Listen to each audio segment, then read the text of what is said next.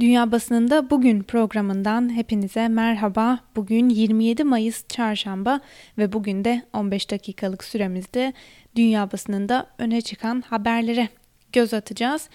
Bugün de her zaman yaptığımız gibi Alman basınından Deutsche Welle'de yer alan birkaç haberle başlayalım. Almanya'dan 31 ülkeye seyahat için yeşil ışık başlıklı habere göre Almanya'nın 15 Haziran'dan itibaren 31 Avrupa ülkesine seyahatler için yeşil ışık yakmaya hazırlandığı bildirildi. Ancak hükümetin taslağındaki ülkeler arasında Türkiye henüz yer almıyor. Berlin kısıtlamaların kaldırılması için Avrupa Birliği çapında bir dizi kriterin yerine getirilmesini istiyor. Bu kriterler arasında Almanya'da uygulanan 7 gün için 100 bin nüfus başına 50 yeni enfeksiyonluk üst sınırında aşılmaması bulunuyor. Almanya'da iki aşıya daha klinik deney izni verilmeye hazırlanılıyor başlıklı habere göre. Almanya'da aşı lisanslarından sorumlu Payne'in başkanı iki aşı projesinin daha klinik deney aşamasına yaklaştığını bildirdi. Klaus Sichutek tüm nüfusun aşılanmasının aylar alacağı konusunda da uyararak siyasilerin dünyada adil dağıtım mekanizmaları oluşturulması konusunu gündeme almaları çağrısında da bulundu. Fransız Le Monde gazetesinde yer alan birkaç haberi de sizlere aktaralım. Le Monde gazetesinde yer alan bir habere göre haftalardır Fransa'nın gündeminde olan ve toplumu ikiye bölen Covid-19'u durdurun isimli mobil uygulamanın kullanılması Fransa Ulusal Bilişim ve Özgürlükler Komisyonu tarafından kabul edildi ve bir diğer habere göre ise 2 Haziran'dan sonra okula gidemeyen çocuklarına baktıkları için işlerine gidemeyen ebeveynlerin e, kısmi işsizlik maaşı almaya da devam edebilecekleri belirtilmiş. E, dün de bültenimizde aktarmıştık ülkede otomotiv sektörünü kurtarmak adına bir dizi önlem alınması ve bir kurtarma paketinin açıklanması bekleniyordu. Ee, bunun için bizzat devreye giren Fransa Cumhurbaşkanı Emmanuel Macron dün Fransız otomobil markası Renault'un CEO'suyla bir araya gelmişti. Macron dün yaptığı açıklamada yeni tip koronavirüs salgınından etkilenen otomobil sektörüne 8 milyar euro destek sağlanacağını açıkladı. Macron aynı zamanda Renault'un 2022'ye kadar elektrikli araç üretimini 3 kat arttıracağı bilgisini de paylaştı. Bu haberlerin ardından Amerikan basınıyla devam edelim. Dün Amerika Birleşik Devletleri'nde ırkçı bir cinayet daha yaşandı. Amerika'nın sesi bu haberi gündemine taşımış.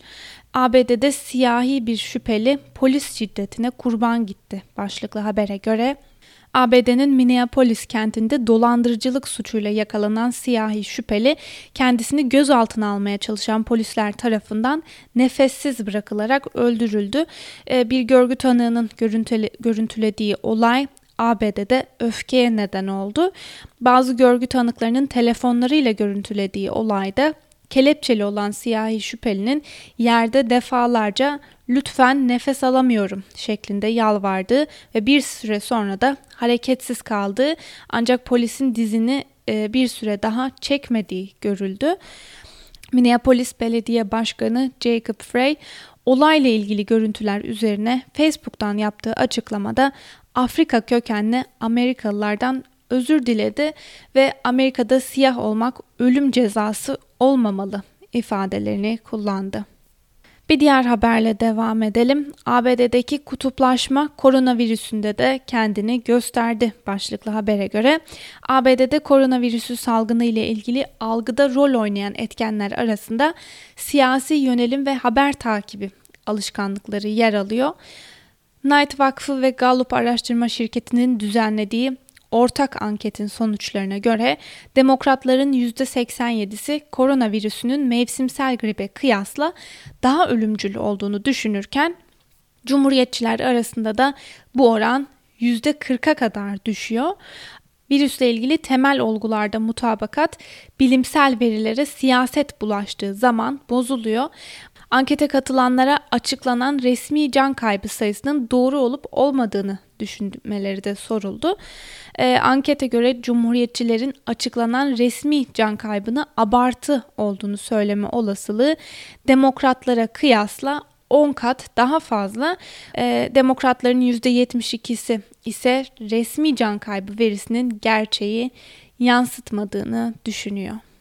Washington Post gazetesi de dün bir polis tarafından öldürülen e, siyahi vatandaşı gündemine taşımış e, ve habere göre FBI yaptığı açıklamada olaya karışan dört polisin de görevden uzaklaştırıldıklarını ve soruşturmanın sürdüğü ifade edildi. Ee, ancak gözaltına alınma şekli siyahilere yönelik şiddet tartışmalarının dinmediği ülkede büyük bir öfke yarattı denmiş haberde. Washington Post gazetesi bir diğer haberde Sensus Araştırma Merkezi'nin yaptığı bir araştırmanın sonucuna yer vermiş ve buna göre her 3 Amerikalıdan biri e, bu yaşadığımız süreçte klinik anksiyete ve depresyon ile boğuşuyor denmiş haberde. İlaç ve tedavi masraflarının eleştirildiği bir diğer habere göre ilaç firmalarının ellerinde bulundurdukları Remdesivir isimli ilaç Amerikan fonlarına rağmen hala çok pahalı. Hükümeti eleştirenler COVID-19 hastalarının tedavisi için geliştirilen aşılar için çok daha fazla kaynağa ve fona ihtiyaç duyulduğunu savunuyorlar. New York Times gazetesi bugün çocuk açlığını gündemine taşımış ve haberde çocukların gıda yetersizliğine karşı hazırlanan programların sunulandan ve vaat edilenden çok daha geride olduğu belirtilmiş.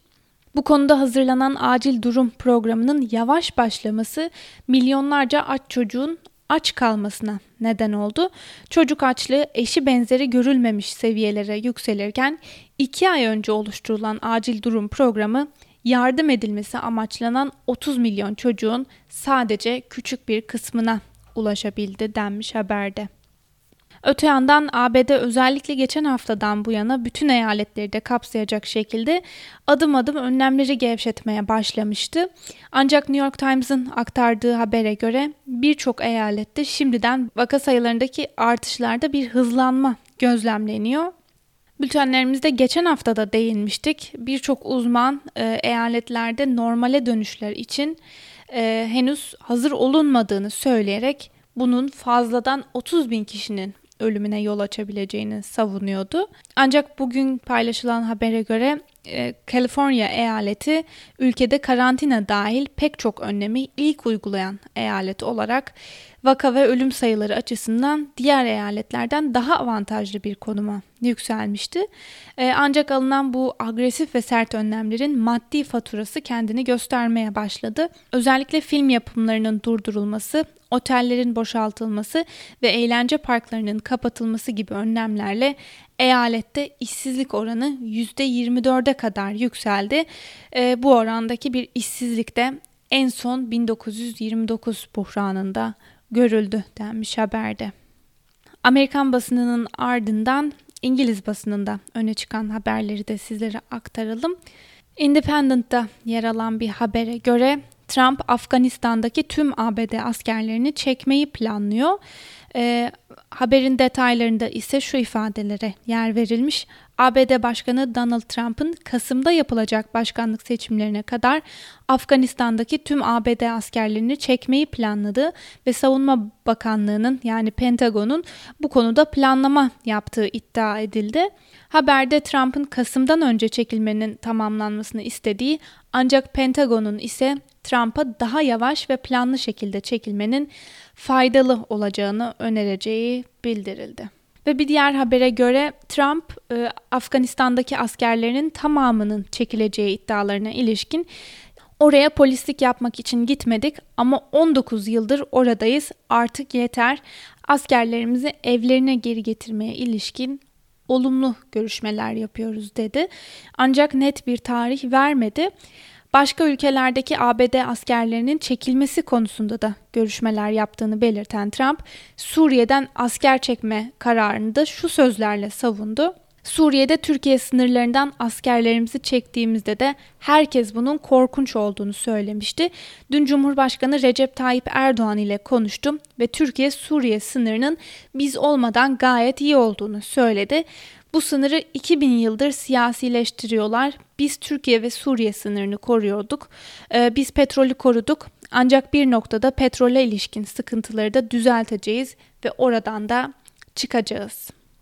Bu haberin ardından İngiltere'ye dair bir haberle devam edelim. Başbakan Boris Johnson'ın danışmanı karantina kurallarını ihlal etmişti ve konuya ilişkin tepkiler ve olayın yankıları sürerken Birleşik Krallık'ta Devlet Bakanı Douglas Ross yeni tip koronavirüsle mücadele nedeniyle ilan edilen sokağa çıkma kısıtlamalarını ihlal eden Başbakanlık danışmanının açıklamasını tatmin edici olmaması nedeniyle istifa ettiğini açıkladı. Ve öte yandan The Guardian gazetesi de bugün yine büyük oranda Cummings'e dair haberleri gündemine taşıdı. The Guardian'a göre Dominic Cummings'in ihlaline yönelik yükselen öfke, alınan önlemlerin ve kuralların çiğnenmesini neredeyse teşvik etti. Uzmanlar hükümetin belirlediği kurallara bu ihlal sonrasında uyulmuyor olmasının virüsün yayılımını yeniden hızlandırabileceği konusunda uyarıyor. E, ve bir diğer habere göre ise muhalefetten de Cummings istifa sesleri yükselmeye devam ediyor. The Guardian'dan Marina Hyde ise yazısında Başbakan Boris Johnson'ın Cummings'in görevine son vermemesinin sebebinin ona, ona olan sadakati değil sadece onun fikirlerine duyduğu ihtiyaçtan kaynaklandığını yazmış. Dolayısıyla Hyde yazısında Johnson'ın onu kovmaya cesaret edemediğini de belirtmiş. Güney Kore'ye dair paylaşılan bir diğer habere göre e, dünyada Covid-19 yüzünden hayatını kaybedenlerin sayısı 350 bini aşmışken virüsü göreceli olarak da olsa kontrol altına almayı başarmış olan Güney Kore'de dün son 50 gündür ülkede görülmemiş bir vaka artışı yaşandı ve buna göre dün ülkede 40 yeni vakanın ortaya çıktığı da belirtilmiş. BBC'de yer alan bir haberi de sizlere aktaralım. Rusya, Libya'da derhal ateşkes ilan edilmesi ve siyasi görüşmelere başlanması çağrısı yaptı. Fransız haber ajansı AFP, Rusya Dışişleri Bakanı Sergey Lavrov'un ülkesinin mesajını General Halife Hafter'e ilettiğini bildirdi. Hafter'e bağlı güçler bir yıldan uzun süredir başkent Trablus'u ele geçirmeye ve Türkiye'nin de desteklediği ulusal mutabakat hükümetini devirmeye çalışıyor. Libya'da Birleşmiş Milletler tarafından tanınan Ulusal Mutabakat Hükümeti'ne bağlı güçler geçen hafta kritik öneme sahip Vati'ye askeri hava üssünü ele geçirmişti. Lavrov'un son çağrısı öncesi ise Amerikan ordusunun Afrika Kuvvetler Komutanlığı Rusya'nın Libya'ya konuşlandırdığını açıkladığı savaş uçaklarının fotoğraflarını ve uydu görüntüleriyle alınan konumlarını paylaşmıştı. Ulusal Mutabakat Hükümeti ise pazartesi günü Trablus'un güneyindeki yüzlerce Rus paralı askerin e, cepheden çekildiğini açıklamıştı. Öte yandan Rusya ise paralı askerlerle ilgili suçlamaları reddediyor denmiş haberde. Rusya'da sağlık çalışanları şaşkın başlıklı bir diğer habere göre Rusya'da devlet başkanı Vladimir Putin'in koronavirüs pandemisinde ön cephede mücadele eden doktor, hemşire ve diğer sağlık çalışanlarına aylık 80 bin rubleye kadar prim ödeneceği sözü bir türlü yerine gelmiyor. Rusya'da sağlık çalışanları devlet başkanı Vladimir Putin'in söz verdiği primlerini alamadıklarından şikayetçi olduklarında da polis ve savcılığın baskısıyla karşı karşıya kalıp soruşturmalara uğruyorlar denmiş haberde. Ve son olarak Çin basınından Global Times'ta yer alan bir haberi de sizlere aktaralım. Çinli milletvekilleri vahşi yaşamın korunması için çağrıda bulundu. Başlıklı habere göre Ulusal Meclis üyeleri yasa dışı yaban hayvan ticareti ve tüketilmeleri üzerindeki cezaların arttırılması konusunda yeni bir teklif sundular. Aynı zamanda yaban hayvanlarının korunması için çizilen yasal çerçevenin de genişletilmesi talebinde bulunmuşlar. Sevgili Özgürüz Radyo dinleyicileri, bu haberle birlikte bugünkü programımızın da sonuna geldik. Yarın aynı saatte görüşmek dileğiyle. Hoşçakalın.